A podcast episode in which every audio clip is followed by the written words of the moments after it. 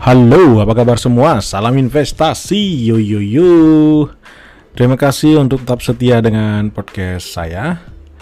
Nah, kali ini kita akan membahas satu topik yang lagi rame juga nih dibahas ya. Cukup banyak uh, orang-orang yang terus terang menggunakan sosial media saat ini justru sebagai acuan untuk beli jual saham gitu. Jadi uh, terkena satu uh, istilah FOMO, uh, fear of missing out, jadi takut ketinggalan, di mana banyak sekali pemula-pemula atau rekan-rekan di masa pandemi ini, terutama dari mungkin milenial ke Gen Z ya ke atas itu yang terjun ke pasar saham untuk melihat opportunity.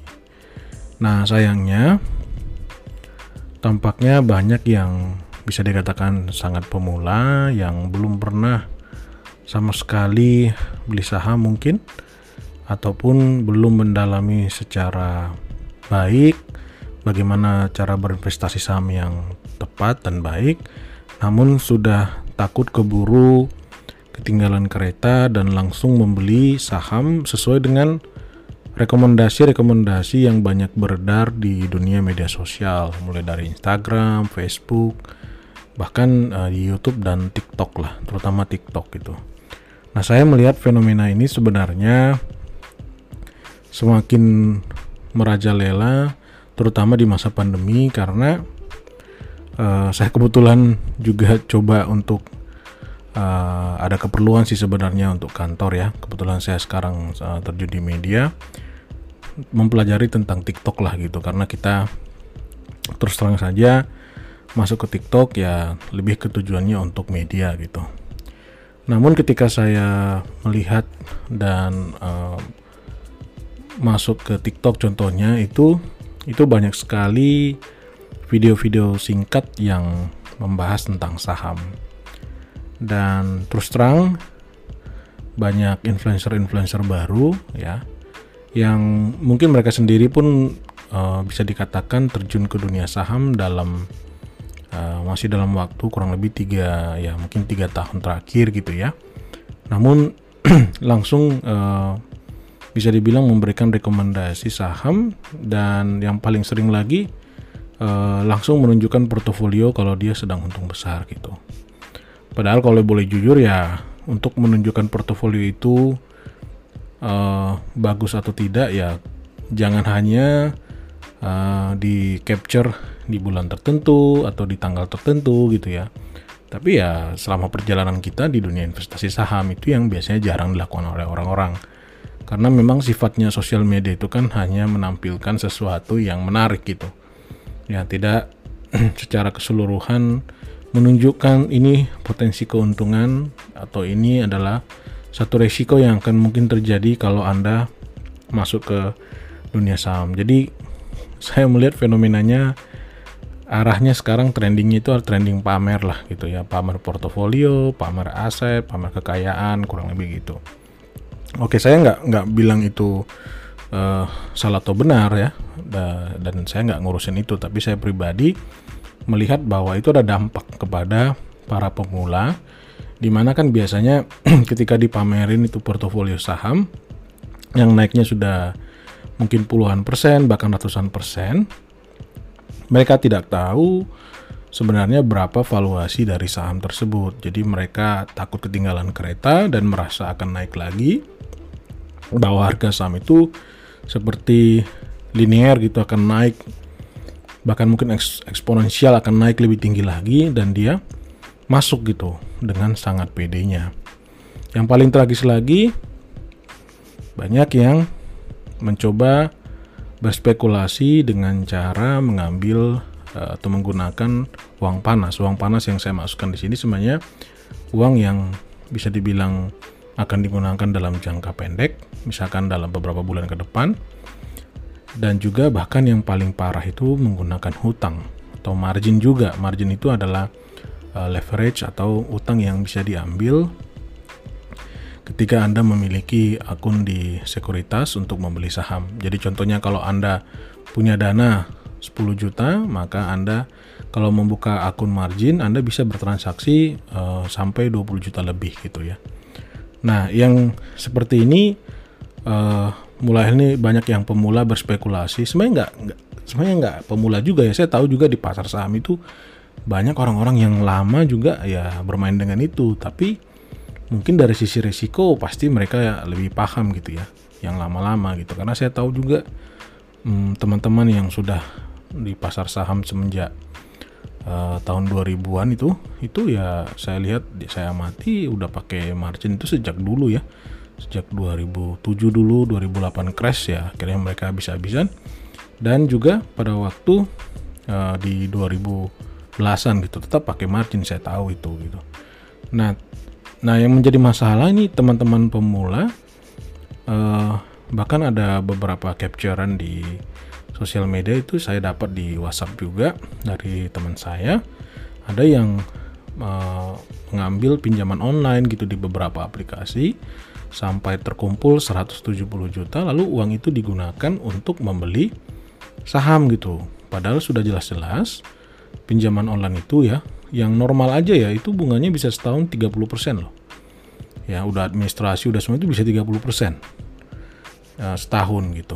Apalagi yang abal-abal kalau pinjaman online yang uh, bisa dibilang tidak mengikuti kaidah OJK ya bahkan mungkin tidak terdaftar dan tidak dapat izin dari OJK itu bisa lebih gila lagi mungkin satu bulan itu bisa 10% bunganya gitu nah Ketika akhirnya mereka masuk, Anda bayangkan masuk di harga yang cukup tinggi karena mereka kan biasanya melihat uh, portofolio dari orang-orang influencer itu atau orang-orang yang di pasar saham itu sudah tinggi kan. Nah, dia masuk lagi di harga yang tinggi tanpa paham apa itu valuasi. Akhirnya apa? Akhirnya dia membeli istilahnya membeli di atas gitu, membeli ketika premium dan itu menggunakan hutang yang bunganya itu naik akan jalan terus gitu. Dan uh, pernah saya di satu uh, diskusi juga ya saya ada bertiga gitu dengan rekan juga. Uh, bahkan rekan saya sendiri gitu ya rekan saya sendiri itu cerita sampai uh, ada salah satu saham. Itu sampai dalam dua hari berturut-turut atau reject bawah harganya turun sampai di atas 10% sebenarnya kalau nggak pakai margin gitu atau tidak pakai utang itu mungkin ya ditunggu saja gitu. Tapi kalau udah pakai utang ini yang menjadi masalah kan apalagi pakai margin ya. Kenapa kalau pakai margin itu kan anda membeli misalkan duit 10 juta anda beli akhirnya dengan 20 juta. Jadi kalau portofolio atau saham anda itu turun 10% maka itu seolah kayak anda minusnya 20% karena ada utang yang itu 10 eh, yang itu dua kali lipat dari modal anda gitu jadi dampaknya sangat sangat besar gitu berbeda dibandingkan kalau anda gunakan dana yang dingin yang mungkin Anda tidak akan gunakan dalam 3 sampai 5 tahun ke depan gitu ya. Saya sarankan selalu di atas 5 tahun benar-benar dana yang khusus untuk investasi. Nah, itu ya mungkin minus Anda bisa hold sepanjang memang uh, sahamnya masih dalam fundamental yang bagus, hanya terpukul sedikit karena masa pandemi ini, saya sih yakin itu akan kembali lagi gitu uh, harga sahamnya naik. Tapi ya mungkin dalam jangka uh, setahun sampai dua tahun lebih gitu. Nah, inilah yang menurut saya kondisi yang akhirnya membuat banyak orang-orang yang uh, terjebak rugi. Data dari Bursa Efek Indonesia selama masa pandemi ini jumlah account di saham di Bursa Efek Indonesia itu naik hampir dua kali lipat dari 1,6 juta menjadi 3,4 juta. Jadi ini sangat luar biasa sekali kenaikan dan itu banyak disumbang dari kaum milenial dan uh, Gen eh, Gen Z gitu. Nah, dan ini sebenarnya positif gitu, tapi kalau yang masuk itu ternyata teman-teman yang secara knowledge masih belum cukup gitu, ya mereka akhirnya menjadi korban gitu. Itu akan memberikan pukulan yang luar biasa gitu. Dan ya kembali lagi ya, kalau mungkin itu uang dingin, minus dan rugi karena Anda membeli. Karena perusahaan bagus pun kalau Anda beli di harga yang mahal itu akan beresiko juga untuk Anda rugi. Apalagi itu perusahaan yang tidak bagus, hanya naik karena sentimen sementara, berita positif, dan dia turun dalam. Nah, untuk kembali itu pun akan menjadi susah gitu atau mungkin akan butuh waktu bisa jadi 3 sampai 5 tahun ke depan gitu.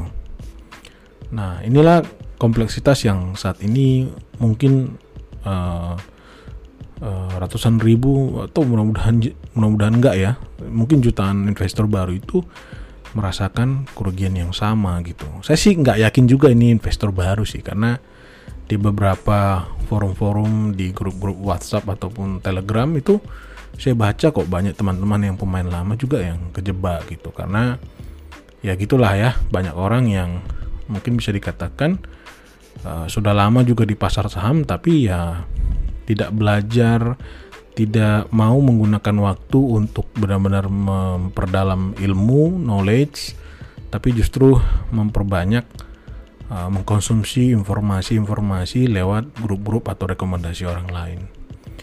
Uh, itulah kenapa kan dari dulu setiap saya ditanyakan, uh, Bang Yos apa nih rekomendasi saham yang mau dibeli gitu, saya selalu uh, sering menolak gitu. Pun kalau misalkan saya membuka Instastory saham apa yang mau dibahas kalau Anda simak di highlights dari Instagram saya yosi.girsang itu ya Anda akan melihat saya bahwa lebih kepada memberikan arah ke sisi fundamentalnya. Apakah perusahaan ini oke atau enggak gitu. Dan kira-kira kondisi harganya itu termasuk mahal atau tidak. Tidak secara spesifik bilang ini target harga segini valuasinya segini enggak gitu. Karena saya berharapkan bahwa rekan-rekan yang mau belajar saham itu memang harus berinvestasi di waktu dan uh, belajar terus gitu ya uh, karena nggak ada pilihan. Sebenarnya kalau kita mau investasi ya memang kita harus melakukan analisa. Dan itu panjang gitu. Butuh komitmen yang tinggi ya. Mungkin buat saya seorang full time investor yang saya punya banyak waktu untuk menganalisa dan uh, mungkin channel juga saya uh, lumayan lah gitu ya. Nah, itu itu juga butuh waktu yang cukup panjang gitu untuk bisa menganalisa satu perusahaan gitu. Nah, kembali ke topik tentang rekomendasi saham yang sekarang banyak uh, di apa? di endorse atau direkomendasikan bahkan orang-orang yang bisa dikatakan baru terjun ke dunia saham, ya saya sarankan mulailah dikurangi uh, dikurangi terpapar oleh informasi-informasi yang sifatnya rekomendasi saham. Karena apa? Karena itu justru akan membuat psikologi Anda terganggu. Ya, kalau menurut saya Anda saat ini pemula, tidak apa-apa punya rekening saham, tapi dalam beberapa bulan ke depan gunakan waktu juga untuk terus belajar. Ya, dengarkan podcast-podcast yang bermanfaat, yang tepat untuk mengupgrade knowledge Anda supaya semakin lama Anda sendiri bisa semakin membantu uh, kemampuan Anda untuk menganalisa dan menentukan saham-saham pilihan yang mau Anda ambil gitu. Dan satu lagi yang mau terakhir mungkin yang mau saya sampaikan bahwa uh, kalau Anda lihat ada orang sukses di pasar saham dan uh, dia menunjukkan satu bentuk kemewahan ataupun kesuksesan ya saran saya jangan fokus ke ke kesuksesannya tapi fokuslah untuk kalau memang anda punya akses atau belajar dari orang tersebut fokus untuk mencuri ilmunya. Mencuri dalam arti yang positif ya belajar bagaimana orang tersebut bisa sukses. Bukan cuma sekedar bermimpi untuk bisa memperoleh barang-barang dari yang dihasilkan dari investasinya tapi bagaimana journey-nya bagaimana prosesnya. Dan saya yakin ya dari pengalaman saya pribadi juga dari sebelumnya saya seorang karyawan dan akhirnya saya sekarang uh, full time full time investor itu prosesnya panjang ya saya mulai dari mungkin kalau anda dengar di uh, profil saya di podcast yang pertama saya mulai dari kuliah dulu dan mulai terjun benar dengan dana sendiri di 2005 proses 15 tahun ini pun itu ada naik turunnya nggak gampang gitu sampai akhirnya saya memutuskan untuk pensiun dini di usia 35 tahun dan sekarang saya udah menjalani kurang lebih eh, tiga uh, tahun terakhir sebagai full time investor. Nah, terus belajar, semangat, ya. Jadikan uh, jika anda adalah salah satu orang yang saat ini mengalami kerugian seperti yang saya ceritakan tadi, jadikan itu pelajaran ya apa pun bisnis investasi itu pasti akan ada yang namanya kegagalan dan uh, kegagalan itu hanyalah sukses yang tertunda dan saya yakin dengan ini jangan patah semangat cari solusi dan belajar terus supaya ke depannya kita bisa memperbaiki kesalahan-kesalahan yang sudah kita lakukan sebelumnya. Sukses terus dan sehat selalu. Jangan lupa tetap menjalankan 3M. Dan sampai ketemu kembali. Salam investasi. Yo yo yo.